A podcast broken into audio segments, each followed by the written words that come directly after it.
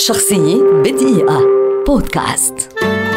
ولد الشاعر الألماني يوهان فولفغانغ فون غوتي عام 1749 ويعتبر أحد أشهر أدباء ألمانيا المتميزين والذي ترك إرثا أدبيا وثقافيا ضخما للمكتبة الألمانية والعالمية. وعلى الرغم من دراسته للحقوق إلا أن ميله وعشقه كان للأدب. فقد تنوع أدبه ما بين الرواية والكتابة المسرحية والشعر وأبدع في كل منهم.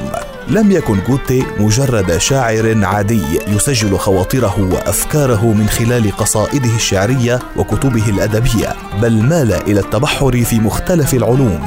فدرس الرياضة والرسم والشعر والموسيقى والتصوير كما قام بدراسة النبات والطب والهندسة والحقوق والسياسة. عكف أيضا على تعلم اللغات فدرس اللاتينية اليونانية الإيطالية الفرنسية والإنجليزية.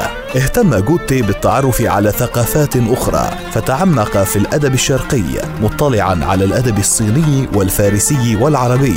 بالإضافة لتعمقه في الفكر الإسلامي ولم يكتفي في مجمل اطلاعه على الثقافة العربية بالشعر العربي فقط بل اطلع على كتب النحو والصرف واهتم كثيرا بالمعلقات وببنيتها الأدبية من حيث الوقوف على الأطلال ووصف الرحلة ووصف الناقة حتى أنه ترجم جزءا منها من اللاتينية إلى الألمانية. توفي أغوتي عام 1832 لكنه بقي حيا بأعماله الخالدة التي ما تزال المكتبات في العالم تقتنيها كواحدة من ثرواتها.